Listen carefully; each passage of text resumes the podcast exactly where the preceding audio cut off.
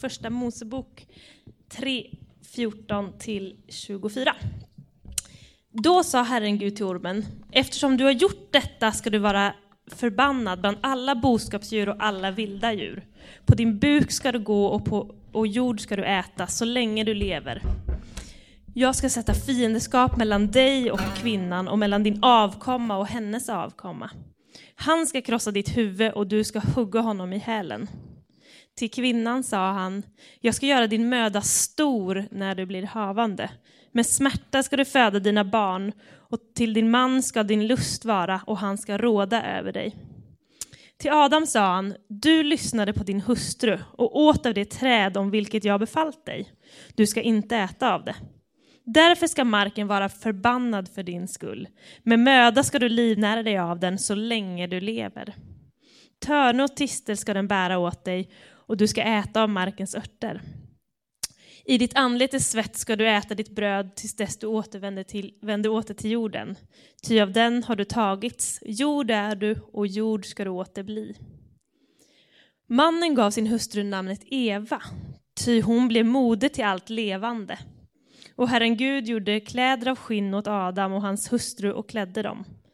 Herren Gud sa, se, människan har blivit som en av oss, med kunskap om gott och ont. Och hon får nu inte räcka ut handen och även ta av livets träd och så äta och leva för evigt.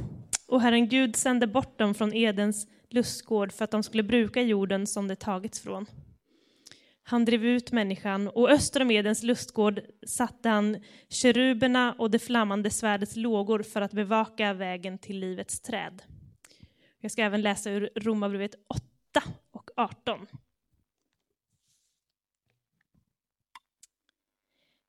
Jag hävdar att den här tidens lidande väger lätt i jämförelse med den härlighet som kommer att uppenbaras och bli vår. Ty skapelsen väntar ivrigt på att Guds barn ska uppenbaras.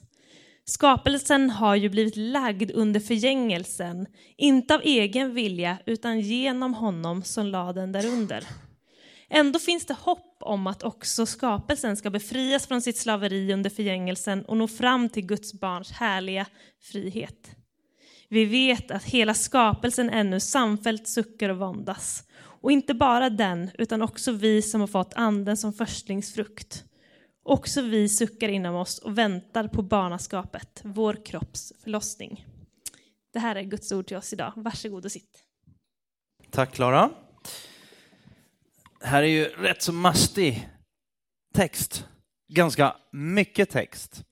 Eh, vi ska inte diagnostisera och, och eh, djupdyka in i precis varenda ord, men vi ska titta på det här sammanhanget från första Mosebok kapitel 3. Och förra veckan så predikade Linus om, om det här fallet då, precis innan eh, den här texten då när vi börjar och, och Klara läser, då sa Herren Gud till ormen, eftersom du har gjort allt detta. Och vad var det han hade gjort? Bara en kort, kort recap. Han hade nästat sig in och, och eh, en del av er har säkert eh, läst storyn, de flesta kanske till och med har hört talas om de här, ja, en del pratar om äpple och det enda det står det var att, den, att man åt och Adam och Eva åt av den här förbjudna frukten. Och eh, i grund och botten så, så då ska vi tala om vad var det egentliga problemet? Ja, det var att man inte, man inte litade på. Man litar inte på Gud och att han eh, man fick äta av all eh, Edens lustgård, alla frukter och precis allting. Man fick äta av allt och, och ta del av allt, men inte av det här trädet eller frukten från det här enda trädet. Eh, och så blir det ganska mörkt här nu då. Det kommer en, en dom och Gud dömer ormen, kvinnan och mannen. Och det ska vi prata om och vad får det för, för konsekvenser? Eh, vi ska titta på tre saker. Livet efter fallet. Det som vi pratade om förra gången då, vad händer sen? Ett liv av möda och besvär, det låter väl härligt så här på söndag eftermiddagen? Ska vi prata om. Eh, och sen då, kommer lite bättre, ljusning i tunneln, löftet om en seger. Och sen då till avslutning då, vad betyder det som, som Nya Testamentet talar om, eh, ett liv efter Kristi seger, efter korset, i Kristus, som Paulus säger gång på gång. Sådär. Eh, jag vill bara minnas tillbaka några år för min egen del och för min och vår familjs del. Så 97 var ett sånt här speciellt år. En sommar. Eh, jag var ute och, och försökte lära mig att eh, vindsurfa. Eh, med, med betoning på försökte. Eh, så. Men, men så kom jag ihåg, min mor ringer och, och hör på hennes röst att hon, hon är eh, det är inte vilket samtal som helst. Och hon säger bara, du, det är nog dags att du kommer hem. Alla syskonen är på väg. Och vi samlar familjen sådär, kommer hem och eh, hon berättar att pappa har blivit diagnostiserad med cancer, en ganska aggressiv cancer, non-Hodgkins lymfom, några kanske känner till den. Det finns hur många varianter och den som helst förstår jag också. Eh, sådär. Men, men han kämpade därefter med cancer då i fyra år. Sen 2001, så för att göra en väldigt lång story kort, så, så ja, men det var in och ut på sjukhus och det var cellgiftbehandlingar och det var strålningsbehandlingar och det var det ena med det tredje. Och eh, någonting eh, hände i alla fall början av 2001 där det bara fullkomligt exploderade och de, de eh, tyckte att det var, de hade hållit hållit den här cancern i schack. Eh, men helt plötsligt så, så började den sprida sig och det gick väldigt snabbt. Och då sa de, då gav de egentligen bara ett, ett, ett, två val. Att inte göra någonting och då skulle han ha x antal månader kvar. eller då att gå igenom en, en ryggmärgstransplantation. Ehm, och alla de enorma risker som den operationen och den, den eh, ja, den behandling skulle, skulle innebära. Då. Eh, och för min far så var det liksom ingen, ingen direkt fråga, utan det var liksom bara, vi kör, Gör, går igenom den här behandlingen då. Och eh, han var väl ganska svag vid det här tillfället, så de var väl inte überpositiva direkt, utan det var ganska sådär, det var, det var kritiskt. Och, eh, själva behandlingen gick bra till en början. Men så hände det här som då inte fick hända. Eh, jag kan inte så jättemycket om, om just den biten med, med eh, ja, sjukhusbiten och, och, jag är ingen läkare definitivt, men jag förstår så mycket att hela den biten med ryggmärgstransplantationen eh, så, så byter man ut ryggmärgsvätskan och därmed byter man ut ditt immunförsvar. Och eh, det innebär att, att, när man gör det på en, på en vad nu var, 62-årig man, eh, så, så, får han lika mycket immunförsvar som en, en nyfödd bebis, alltså inget. Och eh, får bygga upp det från början. Och, och, mitt i det där så får han ett, vad det nu kallas för, ett multiresistent virus i alla fall. Och eh, det blir snabbt, snabbt värre och värre och eh, vitalt, vitala organ börjar stänga ner och, och till slut så, så återigen får jag ett sånt där telefonsamtal. Jag bodde och, och, var i England under den tiden och får ett telefonsamtal. Jag visste att det var allvarligt, men det gick väldigt snabbt på slutet och så ringer min mor och säger du måste komma hem nu. Eh, läkarna har gett din far 24 timmar, kanske 48 timmar kvar. Du måste komma hem nu. Det var en sån där, ett sånt där telefonsamtal som man aldrig trodde man skulle få på något sätt. Jag åker hem, försöker att boka om och fixa och dona, så jag kommer hem på morgonen efter och eh, åker ner till sjukhuset och, och eh, ser min far där ligga med slangar och hit och dit. Och, och väldigt sådär känslomässigt starkt och, och påverkar en väldigt mycket. Och man inser att han har fruktansvärt ont samtidigt som han är full med morfin och kan inte riktigt kommunicera och inte riktigt så här vid, vid medvetande och allting på en gång. Eh, men den dagen gick och ytterligare en dag gick och eh, han, han, mot, mot all förmodan så, så var, var, han vid liv och, och ytterligare då för att, för att korta ner det så, så eh, de kan inte förklara hur det gick till. Vi bad, vi tror på Gud, och jag tänker att om han har skapat hela världen och jorden och stjärnorna och allt vi ser, eh, då är inte steget så långt att tänka att kanske Gud också kan beröra en människas liv och en människas kropp. Och i det här fallet så, så är jag helt övertygad om att det var så, för läkarna har inget svar hur man kan överleva med sex vitala organ som har stängt ner. Och, eh, liksom det, det finns ingen rim och reson i det. så. Jag var vid min pappas sida under den veckan och de följande veckorna. Ehm, och när han började vakna till, det tog rätt lång tid, det tog ungefär en månad innan han var stark nog att kunna liksom röra sig och, och ehm, äta normalt och sådär. Men då, satt vi där och vi satt på sjukhuset några dagar innan han skulle åka hem och så det var precis som att de där samtalen som man tidigare haft, där det bara, man kanske pratade om lägenhet, om jobb, om lån och visst, man, man pratade kanske, vi har alltid pratat från hjärtat sådär. Eh, men det var precis som att allt det där var totalt oviktigt. Vi satt där och pratade om, om livet och om döden och om, om vår tro. Och min pappa började sätta ord på saker som jag tidigare inte hade hört honom göra då. Och så pratade vi om det här. Och så börjar han berätta och bara, när han ser tillbaka, han hade, det var musik, jag hade gett honom en, en, en CD-skiva, en, en viss musik då som, som han, lovsång till Gud, eh, som han lyssnade på under den här tiden han var sjuk. Han, han, han hade någon slags hatkärlek till den här musiken därför att den betydde så mycket för honom, men det gjorde så ont att lyssna på den. Då, då kom, bara så här, reflekterade han över det, så sa han så här, du, det jag har varit med om, det skulle jag inte önska över min absolut värsta fiende. Men jag skulle inte vilja vara utan det. När det är som sämst, som mörkast, vi tittar här och, och, och vi går tillbaka till skapelseberättelsen. Gud skapar, han ser att det var gott. Och sen händer allt det här. Man läser om fallet och synden som kommer in i livet och eh, i, i, i skapelsen och människans eh, länk, uppkoppling med Gud bryts av. Ni vet hur frustrerande det är när ni har en mobil och ni har ingen uppkoppling. Den är ju totalt värdelös. Ja, någon kanske bara, men jag kan ju spela i alla fall. Ja, men det är väl max ett tag, liksom. Så var det med människans status.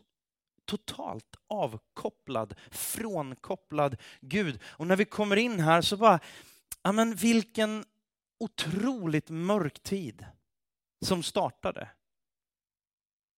Och på något sätt, för att inte dra för många eh, liksom växlar på min pappas upplevelse så var det ändå sådär, det är lättare idag att se tillbaka på den händelsen och bara, ja men vi, vi vet ju idag vad som har hänt. Och jag kan ju idag säga, det gör nästan ont. Jag, jag, jag, jag, kan inte ta de orden riktigt på samma sätt som, som min pappa gör. Jag kan inte önska det, men jag kan ändå se varför han säger som han säger. Han behandlar min mor, han behandlar sig själv, han behandlar oss barn på ett, på ett lite annorlunda sätt. Med ännu större höghet, med ännu mer kärlek.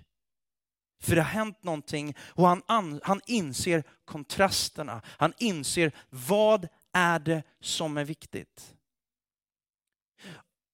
Och någonstans är det så här, för att i ljuset av de här, de här verserna, någonstans så är det ändå viktigt att måla upp hur mörkt det faktiskt var när vår gemenskap med Gud bröts. Det för det är bara i ljuset av mörkret, kan man säga så?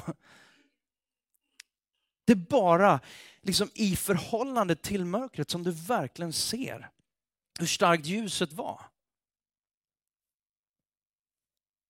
Ursynden handlade inte främst om att de åt, ett, ja men åt frukten från ett träd. handlade om att man inte litade på Gud. Allt Gud vill.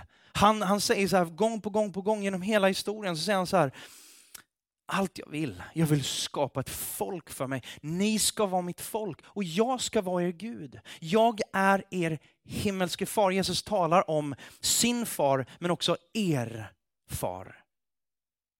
Himmelske far, du som är i himlen. Han, han, han, ja. Gud visar hur viktigt det är inte reglerna främst, utan hela företeelsen att inte lita på Gud, utan lita på sig själv mer. Jag vet och kan bäst. Våra egna liksom handlingar. Och tittar man då på skapelseordningen från början som vi har, har undervisat om, så jag ska inte gå igenom hela det, men återigen, han skapar, och man kan läsa om det här i första Mosebok kapitel 1 och så vidare. Men det står gång på gång, han skapade ljuset och han såg att det var gott. Han skapade djuren och han såg att det var gott. Han skapade ja, allting, träden, växterna, precis allting och han såg att det var gott och det var en perfekt miljö som, som var i harmoni med Gud. Och så kommer fallet då. Eh, men dessförinnan så skapar han som kronan på verket, och skapar han människan. Han skapar människan och det står specifikt och, och speciellt om människan. Människan är inte bara en del som klumpad ihop med resten av skapelsen som, som djur eller växter och allt det där, även om det var gott. Gud sa aldrig att det var dåligt. Det var något gott. Men människan, säger han, dig har jag skapat i min avbild. Stor skillnad. Och han säger att ni ska ta hand om, ni ska råda över jorden, ta hand om jorden, ni ska förvalta den, lägga den under er. Eh, och på något sätt verkligen skapa kultur på många sätt, odla jorden och, och, och ja, men förvalta den. Helt enkelt, eh, Gud är ägaren men vi får förvalta den på något sätt. Eh, och så kommer vi då till de här konsekvenserna då när det har gått åt skogen. När vi har brutit uppkopplingen med Gud, vad händer då? Jo, då kommer domen. Och de här verserna, vi kan ju man kan ju undra, liksom, vad, vad, vad, vad tar det vägen efter det här? Men vi, vi, vi, kan gå igenom lite snabbt då. Först då är domen över ormen, och vi ska vänta med den, vi ska gå vidare, faktiskt titta direkt på domen över kvinnan från eh, första Mosebok 3 och 16. Där står det så här, till kvinnan sade han, jag ska göra din möda stor när du blir havande. Med smärta ska du föda barn, föra dina barn. Till din man ska din lust vara och han ska råda över dig. Kort vid barnvälsignelse här av någon anledning så, så leder fallet till smärta kring barnafödande. Som tydligen inte var där från, från början i Guds perfekta skapelse. Vi finner en ny ordning. En skapelseordning eh, kontra ordningen som sen infann sig, en ny ordning som infann sig efter fallet den första skapelsen, eller rättare sagt skapelseordningen, när han såg att det var gott, den var perfekt. Det fanns bara ett enda bud. Det var, ät inte av den här frukten. Ehm, så först har man då i relation till graviditeten eller barnafödande. Sen har man då en annan bit och det är kvinnans relation till mannen. Och då står det så här, till din man ska din lust vara och han ska råda över dig. Ehm, en maktordning, kvinnligt underordnande av mannen. Vi har undervisat om det och pratat om det här och jag skulle säga så här, det har präglat varje kultur sedan fallet, sedan synden kom in i världen. Men det tillhörde alltså inte Guds ursprungliga skapelseordning, för annars hade det inte behövt tas upp här. Det var alltså ett, ett, ett, någonting, någonting blev fel med den här perfekta skapelsen. Det gick sönder. Hela systemet som var uppbyggt, det gick sönder, det blev skevt. Det som tidigare var rätt blev nu fel, det blev perverterat. Båda två var skapade i Guds avbild och han såg att det var gott. Båda två fick tillsammans Guds välsignelse och båda två fick mandatet att råda och regera över jorden.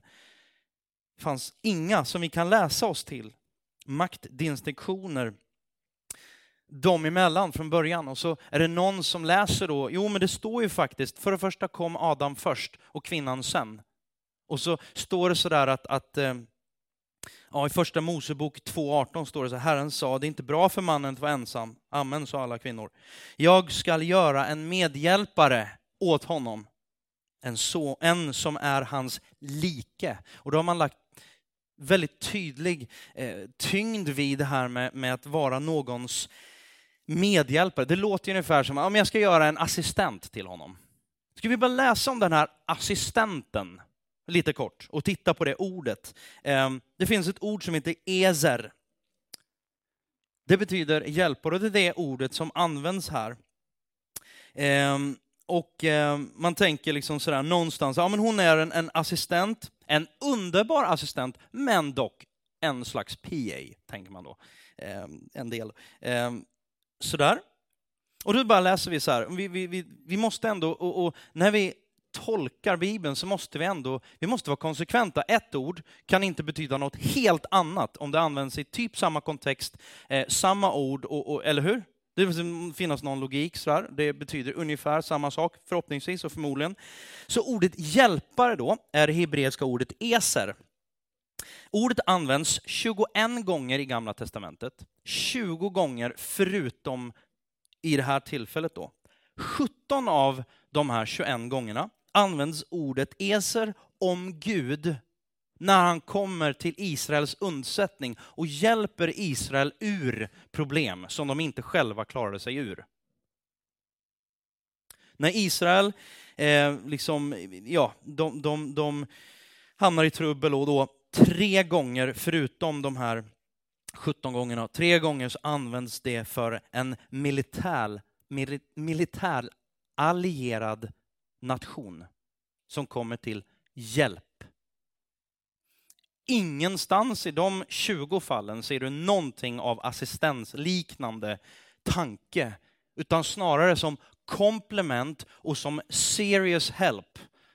Och bara så här, problem totalt, bara alla, eh, alla alarmklockor på en gång. Bara, mannen här klarar sig inte. Det är inte gott för mannen att vara ensam. Han klarar sig inte själv. Han är, utan att göra för långa dragningar, han är halv utan henne.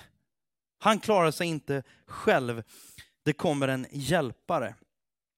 Ehm, så jag behöver inte dra många fler dragningar på det, men det är bara intressant hur vi har tolkat sådana här saker och, och, hur vi då förhåller oss till en skapelseordning kontra ordningen efter fallet.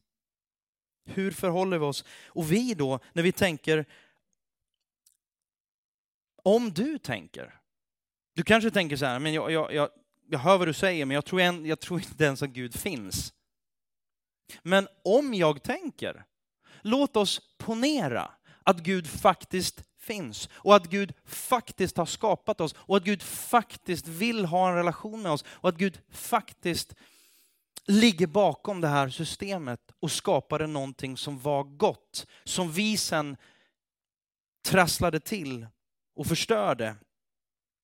Vad tänker vi då? Jo, då tänker jag i alla fall att en dag när vi pratar om hoppet som komma skall. En dag så kommer det här att fullbordas och återupprättas och vi kommer återigen vara jämlika. Vi kommer att kunna ha en, en ömsesidig kärleksrelation mellan man och kvinna. Det kan vi ha redan idag.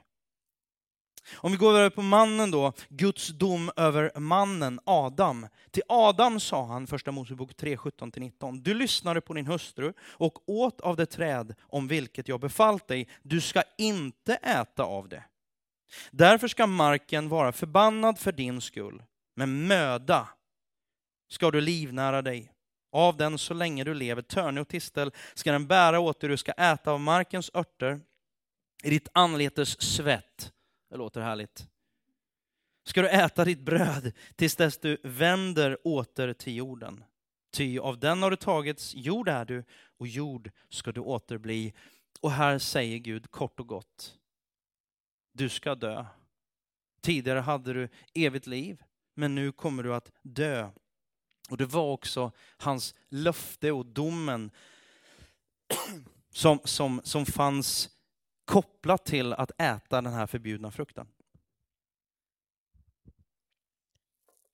Anletes svett brukar jorden. Tydligt att det var ett jordbrukssamhälle, eller hur? Ehm. Men det är ju bara att konstatera att livet efter fallet präglas av svårigheter, möda och besvär. Jag tänker på Baloo, eller jag tänkte på honom när jag förberedde det här. Var glad och nöjd. Han kände liksom att han kom in i något annat. Han vill inte ha möda och besvär, men jag tror att vi kan känna igen oss i alla fall i det här. Och det är bara att konstatera att livet i Eden är över. Jag vet inte hur du känner på måndag morgon, bara yes, Nej, det var över. Skit också. Ehm, ja, det, det så, så kanske många känner. Ehm, Människan är utdriven. Bort, för, liksom, bort med det, ut och så stänger Gud till så att man egentligen inte... Vägen tillbaka in i Edens lustgård är stängd. Därför där fanns ju livet, livets träd som kunde ge evigt liv. Och när människan då hade blivit, ja, när fallet, när synden hade, hade liksom förstört saker och ting i människans natur, då fick människan inte ha, med en fortfarande förstörd natur, dessutom då ha evigt liv. Då blir problemet evigt. Och det hade Gud för avsikt att det inte skulle bli. Då går vi därför in i nästa punkt, och det är löftet om seger. Så nu blir det lite bättre. Så nu kan ni bara andas ut lite grann sådär. Det första som händer efter den fetaste rättfärdiga utskällning som, som liksom, ja, definitivt kanske en av de större som har hänt någonsin, eh, så står det så här i första Mosebok 3.21 då. Och Herren Gud gjorde kläder av skinn åt Adam och hans hustru och klädde dem. Han ger dem en rejäl utskällning och, och drar liksom så här, tyvärr blir det här konsekvenserna, men jag älskar er. Det är tydligt att ett djur, det var djurhud, eh, det var djur som fick sätta livet till. Gud dödade några, eller ett par, eller ett djur till förmån för människan. Han hade omsorg. Det är det första som händer. Han har omsorg över människan. Gud är en god Gud. Gud är trofast även när vi inte är trofasta. När vi skiter i det blå skåpet, då står han kvar. Då säger han, mig kan du fortfarande lita på. Paulus han pratar här nu då i, i eh, romabrevet Romarbrevet som Klara läste. Ehm, Guds goda skapelse som har lagts under förgängelse, lidande och svårigheter som, som präglar livet. Han, han, han pratar ändå om hopp. Så här, det är tydligt att han kommer, kommer från den här texten och han pratar om skapelsen och fallet. Och helt plötsligt börjar han prata, liksom, det, det är hoppfullt det här. Var kommer det därifrån? Vi ska se. Ormen. Var får Paulus det här hoppet ifrån? Ormen, eh, så talar Gud ut, ut en dom över honom då. Så nu tillbaka till första Mosebok 3 och 14. Eh, då sa Herren Gud till ormen, Eftersom du har gjort detta ska du vara förbannad bland alla boskapsdjur och vilda djur. På din buk ska du gå och jord ska du äta så länge du lever. Jag ska sätta fiendskap mellan dig och kvinnan och mellan din avkomma och hennes avkomma. Han ska krossa ditt huvud och du ska hugga honom i hälen. Vi läser om domen över ormen och det var ju inte bara en orm i största allmänhet, utan det var ju djävulen, Satan, åklagaren, Guds fiende. Eh, och jag tror att om man läser det här, som vissa gör då, bara börjar fokusera, nej men nu ska vi se här. Eh, Okej, okay, det innebär att innan fallet så hade ormen ben och börja fokusera liksom på att på din huk ska, buk ska du gå. Eh, och, och, och, äta jord. Och man börjar gå in i den typen av, av reflektion. Då, då, missar man ganska snart vad, vad författaren försöker att säga. Det som är tydligt, det är att det är, livet det är möda och besvär. Och från kvinnan ska någon, alltså kvinnans avkomma, från kvinnan ska det komma någon som ska krossa ormens huvud och sätta stopp för djävulens verksamhet. Men segern ska komma på bekostnad av stort lidande. Du ska hugga honom i hälen. Det är ju inte så långt kanske att tänka. Vad handlar det här om? Det här är egentligen ingenting mindre än en försmak och en, man kan säga så här, Guds första predikan av evangelium. De goda nyheterna. Så mitt i mörkret så bara börjar Gud så här, en dag ska jag krossa det här. En dag ska jag förstöra mörkret. Jag ska om inte göra det. Det kommer att kosta väldigt, väldigt mycket. Men hoppet, segern över ormen, konturerna genom hela Bibeln och sen med sitt epicentrum och crescendo i evangelierna med Jesus Kristus som föds, han lever sitt liv utan synd, går upp på ett kors frivilligt, låter sig korsfästas för dina och mina synder och bryter för en, liksom, eh, vad säger man, eh, en gång för alla säger man. En gång för alla med mörkrets makter, synden och fallets konsekvenser. Allting om intet görs där på korset. Men han slutar inte bara död på korset för dig och mig, utan han uppstår på den tredje dagen. Och det står att han sitter på Guds, Gud faderns högra sida. Gud hade redan från början, när det var som mörkast, så visste Gud It ain't over until the fat lady sings. Det är inte slut förrän det är slut. Och jag vet hur det kommer att sluta, säger Gud. Det här är de goda nyheterna. Och vi, man kan läsa gång på gång på gång naturligtvis om de här, men, men liksom det står tydligt i första Petrus brev att den här frälsningsplanen, räddningsplanen, den här planen att återupprätta och ställa allting till rätta en gång för alla, det hade han redan utsett. Han hade förstått och han visste vad som skulle hända. Och det står i första Petrus brev att, att den här frälsningsplanen var utsedd redan före världens skapelse. Sista punkten. Ett liv efter, eller kanske mer korrekt i, Kristi seger. Ehm, den här planen som uppenbaras då blir synlig. Som han börjar att viska lite grann om då i i kapitel 3, vers 14-15, där Gud säger ja men det här kommer en gång att ske. Ormens huvud, mörkrets makter, mörkrets härskare kommer om intet, om intet göras. Och den här bilden eh, växer fram och, och förtydligas mer och mer och då naturligtvis blir väldigt fysisk och tydlig och synlig i Nya Testamentet i och med Jesu födelse. Eh, så vi vet ju vi vet ju hur det så att säga slutar. Eh, Gud ror hem en, en, en brutal seger. Det blir inte oavgjort. Det blir en förkrossande total utklassning.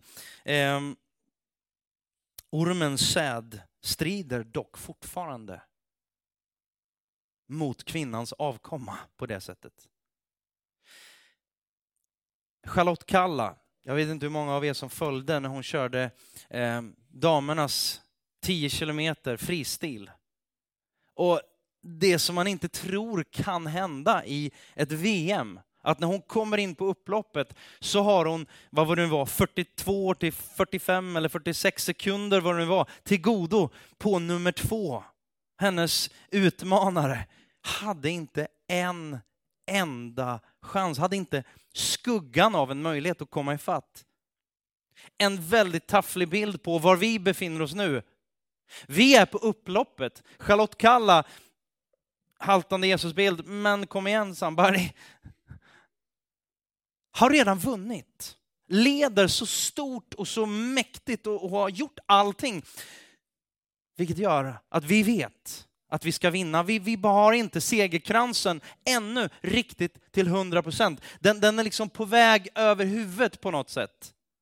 Men vi har inte fått den till 100 procent. Vi kan inte leva ut det till 100 procent och det är fortfarande slit. Hon kunde inte ge upp där. Jag vet att det är en haltande bild, men låt mig ha lite kul ett tag till. Nej, men hon fick slita på där och köra på. Hon hade vunnit, men det var ändå slit. Är ni med? Det är den bilden, om ändå haltande, som, bi, som, som Bibeln målar fram. Lite mindre haltande naturligtvis. Nej, men, alltså, vi lever. Det är, vi har vunnit. Men vi har ännu inte segerkransen om huvudet. fullständig seger redan nu, men ännu inte. Det här är ändå evangeliet. Evangeliet handlar om en seger nu, men också en seger sen. Hur kan man då tillgodogöra sig det här?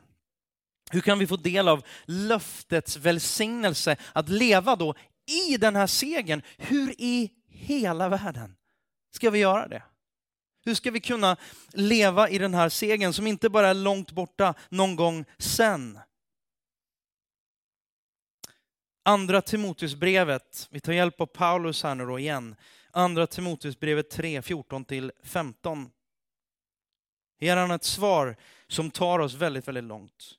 Han säger till sin lärjunge Timoteus, pa Paulus den stora liksom aposteln, han säger så här, håll fast vid det som du har lärt dig och blivit överbevisad om. Du vet av vilka du har lärt det och du känner från barndomen de heliga skrifterna som kan göra dig vis. Så att du blir frälst, räddad, får del av löftena genom tron i Jesus Kristus. Och där kommer vi liksom full circle. Vad var det stora felet? Det var, alltså, när, varför skedde fallet? Jo, det var ju för att man inte ville tro på Gud. Man åsidosatte Guds plan. Man, man sa, jag kan själv. Och här kommer vi då full circle där Paulus säger, och hela Nya Testamentet säger så här, tro. Tro på Gud. Varför, vadå tro? Ja, men tro är jätteviktigt. Ja, men det spelar ingen roll vad du tror på. Bara tro, det kan hjälpa. Ja visst, placebotabletter kan också hjälpa. Det finns en massa saker som kan hjälpa. Men det finns bara en som kan frälsa. Min farfar, jag har sagt till några om, om, du har hängt med ett tag, eh, följt mig, så, så kommer jag åt det. Jag tycker det ändå är väldigt bra sagt. Norrlänning från Skellefteå. Han sa så här, han har dött sedan ett antal år, man sa så här, det går bra att leva lite hur som helst och tro på lite vad som helst. Men det håller inte att dö på. Och det låg någonting i det där. Det håller inte att dö på. Hur får vi del av löftena här på jorden? Jo, det, det är inte svårare eller djupare, men det är tillräckligt stort. Det är att lita på Guds löfte. Lita på Guds ord som, som säger lev med mig, följ mig, var mitt folk, ska jag vara er Gud. Lita på att jag är er himmelske far. Lovsångsteamet kan komma upp. Galaterbrevet 3, vers 26-28. Alla är ni Guds barn genom tron på Jesus Kristus. Inte bara alla i största allmänhet, utan de som tror på Jesus Kristus. Alla ni som har blivit döpta till Kristus har blivit iklädda Kristus. Där har vi det här i Kristus. Jag, jag har inte längre mina egna kläder, jag har inte min egen rättfärdighet, färdigrätten, det här förhållandet, så jag ska inte gå in på det nu, men, men förhållandet till Gud, helt plötsligt så, så är det inte bara mig det hänger på. Eller snarare, det hänger inte överhuvudtaget på mig. Skaparens ord och löfte om frälsning och seger över all ondska sker och kommer att ske genom tron på Jesus Kristus. Alla som håller fast vid löftet omfattas av den här frälsningen. Ibland går vi igenom mörker, elände med möda, svett och tårar. Men Bibeln säger att vi kan gå igenom alla tider med en djup tillfredsställelse. Paulus säger sådana här jobbiga saker som gläd er. Gläd er i livets alla skeden. Sjukt irriterande. Speciellt när det inte liksom går min väg. När kanske familjemedlemmar lider. Och, och det är inte det att Paulus liksom bara klappar dig på huvudet och bara, men skärp till dig, ryckt upp dig. Han pratar om något annat. Han pratar om en glädje, om en, om en tillfredsställelse som inte är beroende på om dina omständigheter går dina vägar eller inte. Det låter väldigt attraherande i min värld. Du blir helt osårbar, odödlig på alla sätt och vis. För att någonting annat är din grund som du står på. Om vi vågar lita på Gud, så enkelt och ändå så svårt. Om vi vågar tro på Gud, tro på Gud och tro på mig, säger Jesus. Tro. Då vet vi också att allt ont kommer, ja allt som händer, gott och ont, allt kommer samverka till det bästa. För löftet är, det gäller alla som tror.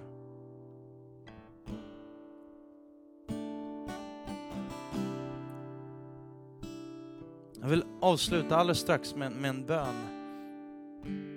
Men jag, jag hoppas att vi, vi skulle bara våga tro på att Gud är den han säger att han är. Du kanske har kommit hit idag och bara, ja, nej men jag har gått i kyrkan och jag, det gav mig inte så mycket. Men gå i kyrkan i sig kommer ju inte ge någon till ting om man inte sätter sin tilltro i han som står bakom kyrkan. Kyrkan är ju full med folk som är syndare, precis som du och jag. Vi kommer att svika varandra, vi kommer att bedröva varandra, vi kommer att göra allt möjligt. Men det finns en som är trofast när allt annat skiter sig, när allt annat är katastrof, när allt annat är jättebra och du är på toppen av din våg och bara woo, kaching, cashen rullar in. Då är Gud trofast. När du börjar segla iväg och du tror att nu går det jättebra, men i själva verket är du på väg åt helt fel håll. Eller så är du på väg åt helt rätt håll. Men Gud är ändå alltid trofast. Fundera på vem som är grunden och basen i ditt liv. Har du förstått hur illa det var med fallet och du är en del av fallet? Utan Kristus så har du och jag, det är i alla fall vad Bibeln säger, sen kan vi tro allt möjligt. Men Bibeln talar sitt tydliga språk och säger fallet var stort och därför behövde frälsningen vara ännu större. Och den är större, den är mäktigare och den kan innefatta dig och mig. Kanske någon säger så här, nej men jag, jag har gjort för mycket elände, jag har gjort för mycket, jag har syndat för mycket. Du vill bara säga så här, du, vem blir mest blöt? Om du hoppar från första trampolinen eller första, eh, vad säger man, en meters trampolinen eller från tian. Vem blir mest blöt av de som hoppar i? Ja, det spelar inte jättestor roll. Du blir blöt, punkt. Och Jesus kommer inte där och ställer sig längst uppe på trampolinen och bara, du håller på att sjunka där, du håller på att drunkna. Du, eh, simma lite bättre. Ryck dig själv i håret. Kom igen nu, titta på mig. Jag var ju grym när jag levde. Kom igen nu, gör som jag gjorde. Nej, han hoppar ner. Han tar tag i dig som håller på att drunkna, simmar upp med dig och inte bara ger dig livräddning, utan han ger dig evigt liv. Det är en frälsning, inte bara ett gott föredöme. Det är Jesus Kristus. Det är evangelium. Evangeliumet handlar om att det var dåliga nyheter och där kommer du med bra nyheter, goda nyheter som långt, långt, långt, långt, långt övertäcker och överstiger allt mörker och driver allt mörker på flykt. Det är evangeliet. Det är vad grunden till varför första Mosebok är så viktig. Hoppas du kan ta till dig något av det här och fundera till på, är det här min grund i mitt liv?